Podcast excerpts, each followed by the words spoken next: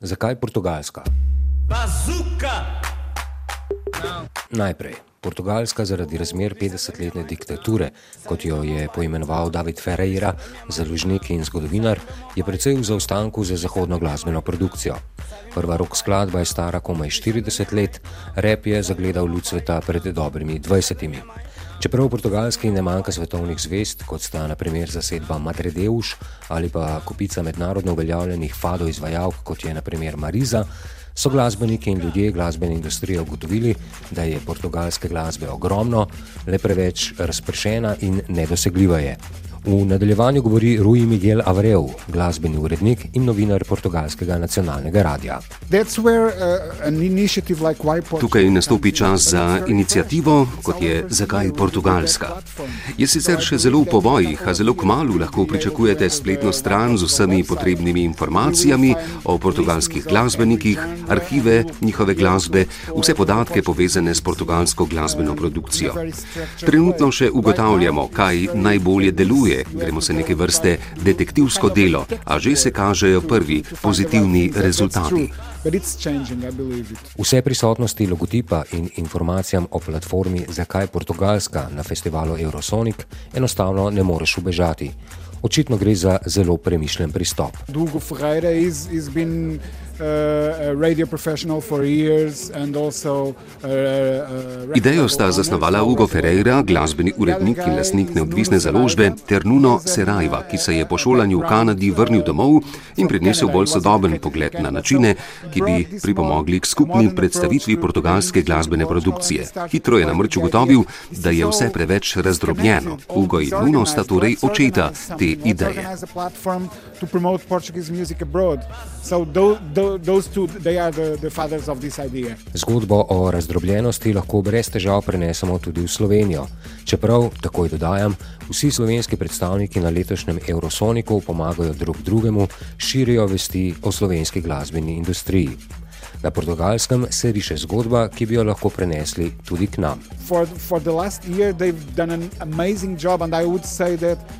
V zadnjem letu sta uspela narediti ogromno. Že okoli 85 odstotkov vseh, ki kakorkoli ustvarjajo v portugalski glasbeni srednji, torej od avtorjev, izvajalcev, založb in medijev, vsi veliki igralci so že zraven sta na dobri poti, da na eni strani združite vse, ki glasbo ustvarjajo in predstavljajo javnosti, na drugi strani pa sta upletla tudi državo. Ministrstvo za kulturo Portugalske je že odobrilo konkretna finančna sredstva. Vse, kar počneta, delata dobro in v pravem času.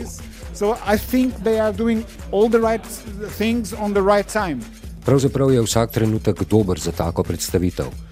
In še nekaj ima slovenska realnost skupnega s portugalsko zgodbo o načinu izražanja glasbenikov, torej materni jezik ali v večini primerov angleščina. For, I would say, two decades, there was this ongoing debate on the press between the press and even the artists because lots of bands felt that if I want to sound modern, I have to sing in English. Kar dve desetletji je potekala stalna debata na to temo.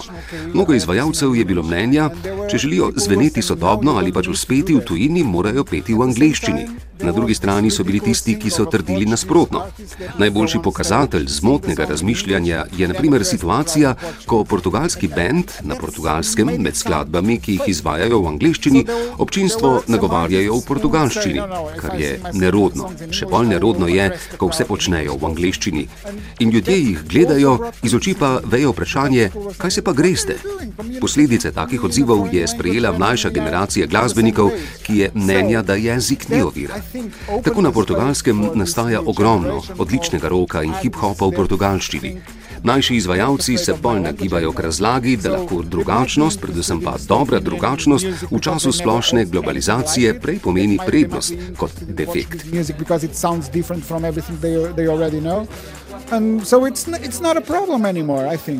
Povzamem, če je glasba dobra, bo našla pot v katerem koli jeziku.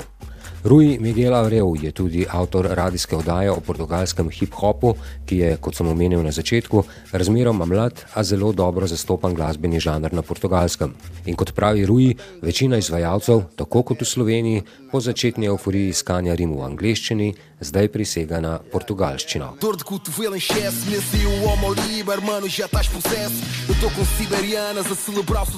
Actually, well uh, hip Zgodovina hip-hopa na portugalskem je zelo dobro dokumentirana. Prvi portugalski hip-hop posnetek je nastal leta 1994, sicer pa je hip-hop ena najbolj zastopanih zvrsti glasbe na portugalskem v zadnjem času, tako v smislu produkcije, kot zastopanosti v medijih in na festivalih. Je te glasbe 40, skoraj 50 odstotkov. Hip-hop is now approaching something like 40-50%. It's a very strong uh, culture in Portugal right now. Hip-hop je torej na portugalskem postal že del nacionalne kulture in Portugalska je na letošnjem festivalu Eurosonic dokazala, da z veliko dobre volje in seveda s pomočjo države sodobni kulturni izraz lahko najde prostor na evropskem zemljevidu. Vredno premisleka in posnemanja. Mas esses cotovelos precisam de massagens.